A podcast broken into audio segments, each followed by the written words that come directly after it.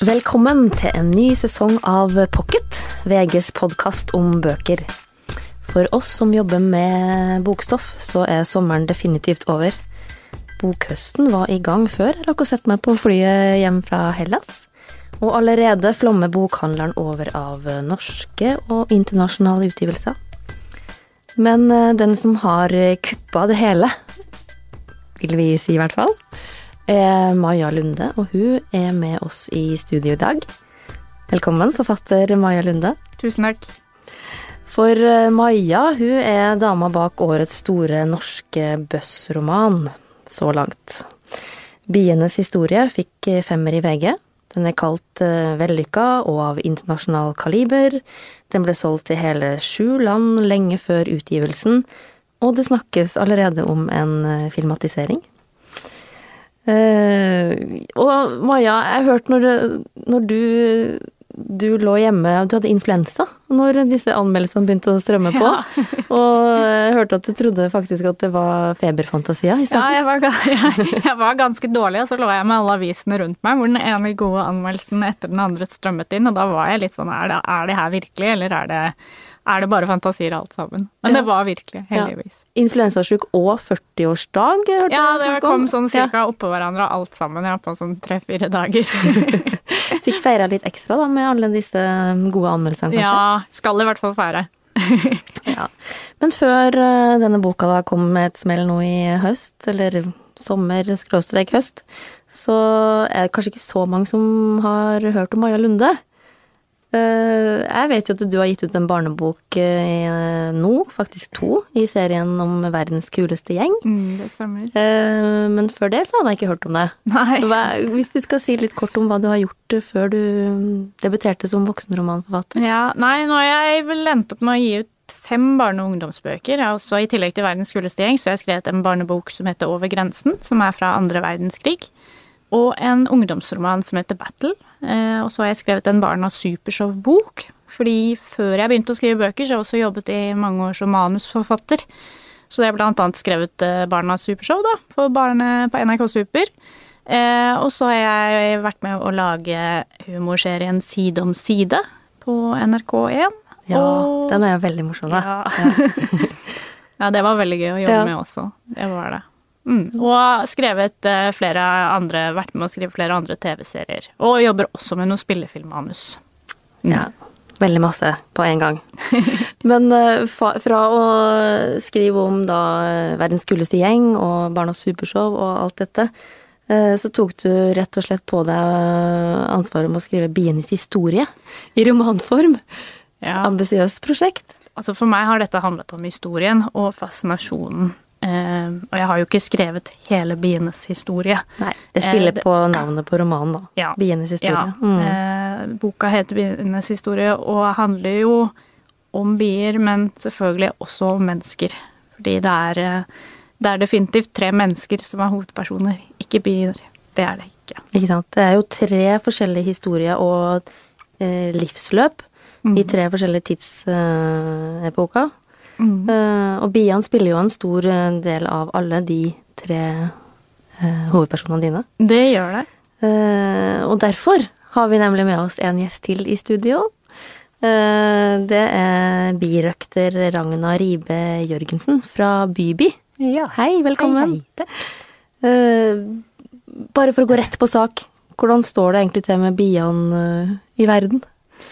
I verden, ja. Um det er jo veldig forskjellig fra land til land. Eh, når det gjelder Norge, så merker vi helt klart en endring nå de siste to årene. Eh, de siste par årene så har det vært en stor endring.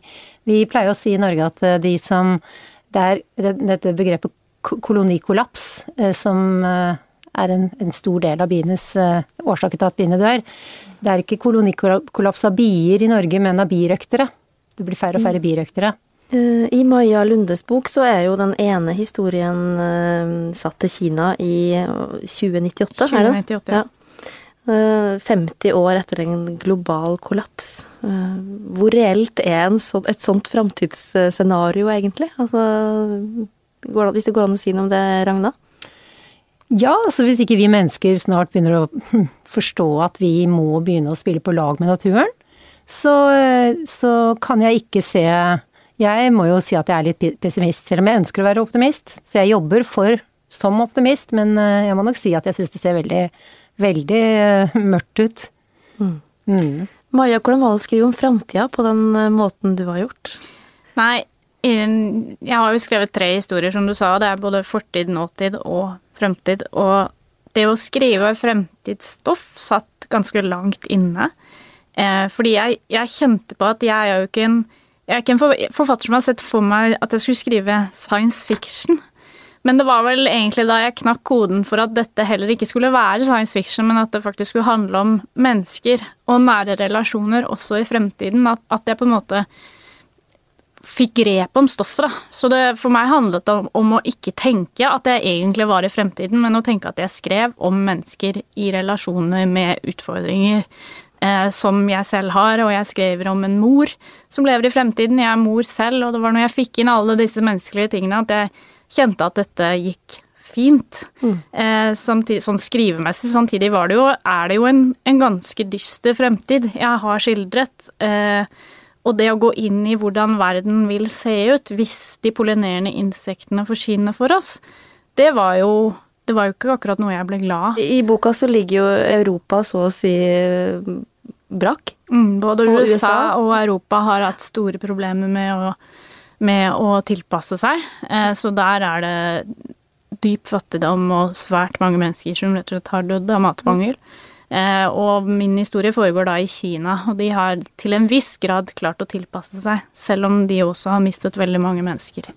Men det menneskene nå lever av, det er rett og slett eh, at de må håndpollinere for mm. å få nok mat til å overleve. Så det er utgangspunktet for den historien, da. Ja.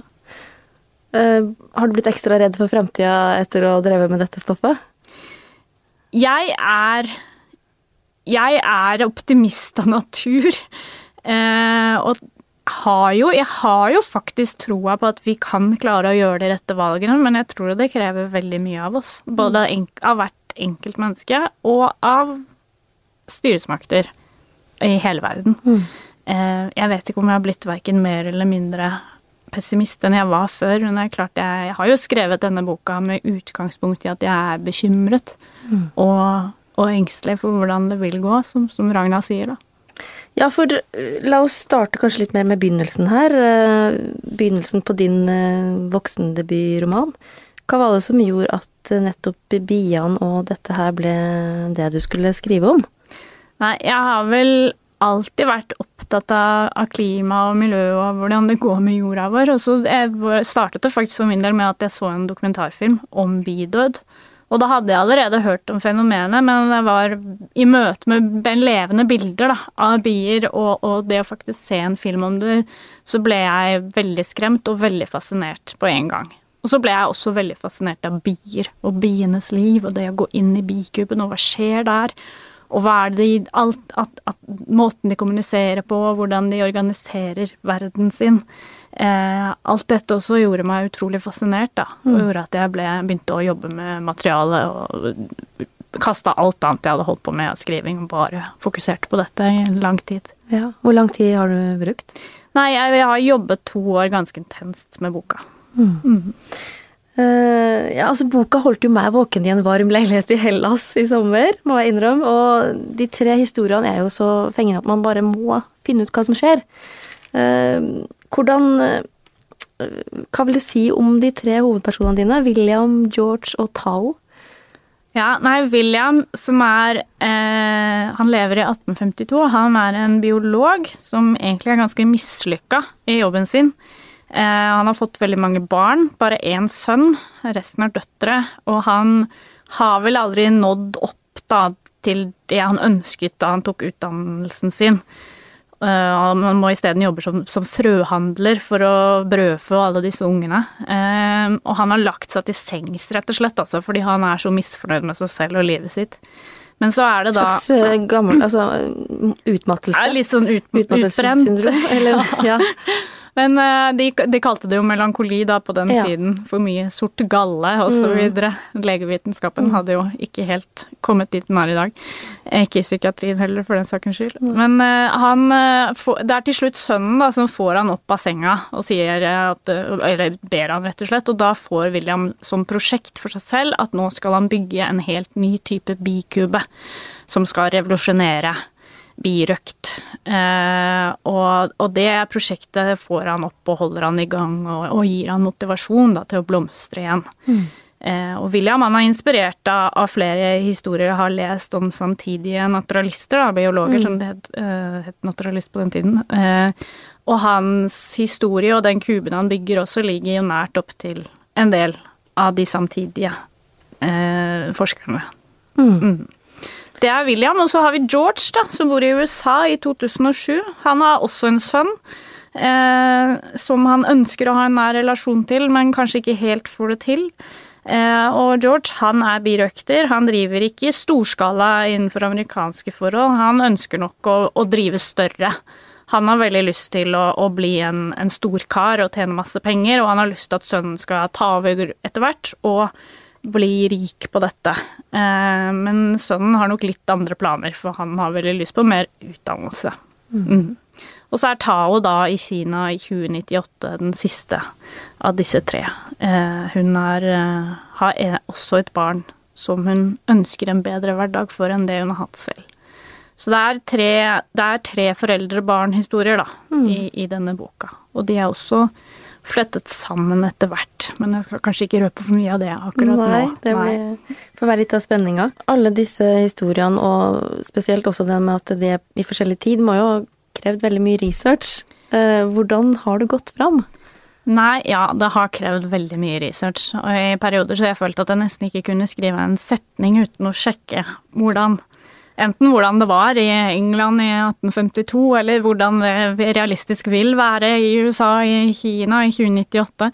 Men jeg har, eh, jeg har sett mange dokumentarfilmer, jeg har lest veldig mange bøker, og så har jeg rådført meg med mange flinke fagfolk underveis, blant annet Ragna, da, som har vært med og lest og og ja, jeg har virkelig forsøkt å gjøre det så realistisk som mulig også. Ønsket det at alt som skjer og måten det drives røkt på i USA f.eks. også skal være, skal være, troverdig og ekte. Mm. Eh, ja, Ragna, vi hører jo at Maja har spurt deg litt eh, underveis. Hvilke spørsmål er det du har kunnet bidra med og hjelpe til med? Det er, eh, det er, masse Det er som, masse sånne små En helt egen fagterminologi i birøkt. Noe heter rammer, andre heter tavler, og så heter det lister, og, og, så kan man ikke bomme på det, for da skjønner man ikke noe Da skjønner ikke birøkterne noe. Um, en av de tingene som jeg, som jeg syns ble veldig fascinerende at du virkelig fikk til, Maja, det var den Det var William og den brytningen i birøktens historie som virkelig Det er en av de store Det er en nå skal ikke jeg heller røpe hva han finner ut, for det er vel som, mange som ikke vet det. Men det han finner ut, er helt ekte.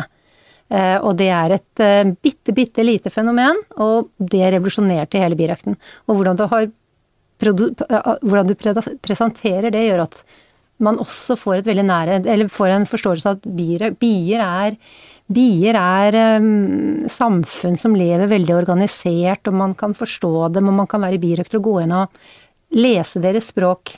Så jeg ble veldig glad i Jeg ble veldig glad i bokens nærhet til eh, bienes liv. Men altså dette CCD, eller CCD, eller eh, Colony Collapse Disorder, det hører vi jo om. Eh, bier som forsvinner på uforklarlig vis og så videre. Ragna, kan du forklare dette? enkelt? ja, det er det mange som har prøvd. Ja. Um, tja, altså det er et helt eget fenomen. Det er jo mange andre ting som også gjør at bildet blir veldig komplekst for biene. Og at biene dør handler ikke bare om CCD, kolonikollaps. Eh, kolonikollaps er kanskje det ultimate skremsels... Liksom prikken over i-en, kanskje, av menneskets eh, eh, overgrep over naturen, kan man si. Um, fordi det som skjer er at eh, biene, det man, det man gjør når man, disse birøkterne som opplever det, lukker opp en bikube Dette fins ikke i Norge. Heldigvis. Nei, hvor La oss si enda. Altså, Eh, Amerika, hele Europa. Det er jo, det er jo, du kan lese boka til Ja. Det er Amerika og Europa, men Mm. også Asia har, Mm. har eh, fenomenet. Mm. Eh, At man lukker opp bikuben, og det som er igjen i bikuben, er dronningen og barna. Og yngel, altså barn som ligger der, larver og sånn. Og noen få bier. Alle de andre biene har altså forlatt hjemmet sitt. Eh, Og det, det, det gjør de ikke. har man funnet ut hvor de drar? Nei, man har ikke det. Nei, de bare for, De forsvinner. Drar fra dronninga og De, de drar fra dronningen og barna sine. Ja. Det, det, det går ikke an. Det gjør de ikke. Nei. De skal ikke det er sånn som mødre, mø, foreldre drar ikke Mm. fra barna sine. Mm. Akkurat like ulogisk er det. Hva er situasjonen i Norge? Det, det har ikke skjedd eh, sånne ting her, men hvordan har de norske biene det? Norske bier har det veldig godt hvis man sammenligner med andre, andre land. Eh, det er de som sier at norske bier er av de friskeste i verden. Norske og australske. Men hva er de harde fakta her, eh, Maja, sånn i verden? Hvor, altså, har de, hvor mange min, færre bier er det enn før? Altså sånne, hva, Finnes det tall på sånne ting? Ja, da tror jeg jeg skal spørre Ragna om du har de siste og ferskeste tallene. Er, eh, Ja, det er jo også veldig lokalt det der, for de sier jo mellom 30 og 80 av biene er forsvunnet i Amerika og Europa. Mm. Og så har jeg ikke tall for resten av verden. Nei. Så noen områder er det da 80% og andre områder er det 30% så snitt kanskje 60 da. Og det er Det er så dramatisk at eh, man håndpollinerer i eh, Kina allerede. Mm. Og man importerer bier i konteinere fra Australia til Amerika. Det er veldig dramatisk. Ja. ja, for hva skjer der det, biene forsvinner? Da blir det ikke pollinering, rett og slett. Og da, da- blir biologiske mangfoldet ja. raser. Mm. Eh, De pollinerende insektene ville, ville også, eh, honningbier og ville bier. Uten dem så skjer det jo ingen pollinering. da får vi ikke frukt og bær, og 30 kostholdet vårt reduseres til korn. Ikke sant? Eh, Maja, driver du med bier?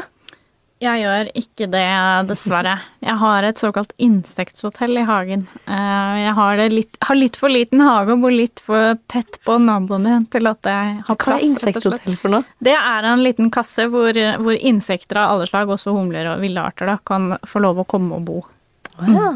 Så det kan man jo ha hvis man ikke har så stor plass. Man hjelper til Ja. litt, og så har jeg mange humle- og bievennlige planter i hagen. Ja. ja, for hva kan den enkelte gjøre? Altså Nei, den det som jo... ikke skal begynne med birøkting, liksom. Mm. Altså, Det er jo nettopp Mm. eh, sånne ting som det. Faktisk også plante, plante planter i, å ha i verandakasser planter som, som humler og bier er glad i. hvilke planter er det de biene er glad i da? Nei, lavendel for eksempel. Mm. Mange kattemynte. Eh, jeg har oregano som blomstrer nå, og der er det bare tett i tett i tett med humler, så det er jo veldig, veldig fint å se på. Det jeg også har tenkt mye på når jeg skrev boka, det er jo at alt henger sammen med alt. Eh, og vi Dette handler ikke bare om hva vi kan gjøre for biene og pollinerende insekter, det handler jo om at biene forteller oss at ting ikke er som de skal med jorda.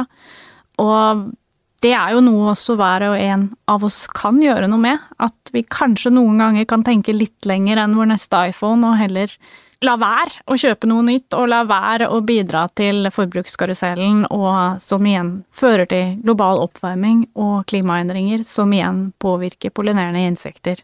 Som viser oss at ting ikke er som de skal være. Ja, Maja, denne uka så kom du jo faktisk også med bok nummer to i eh, barnebokserien om verdens eh, kuleste gjeng.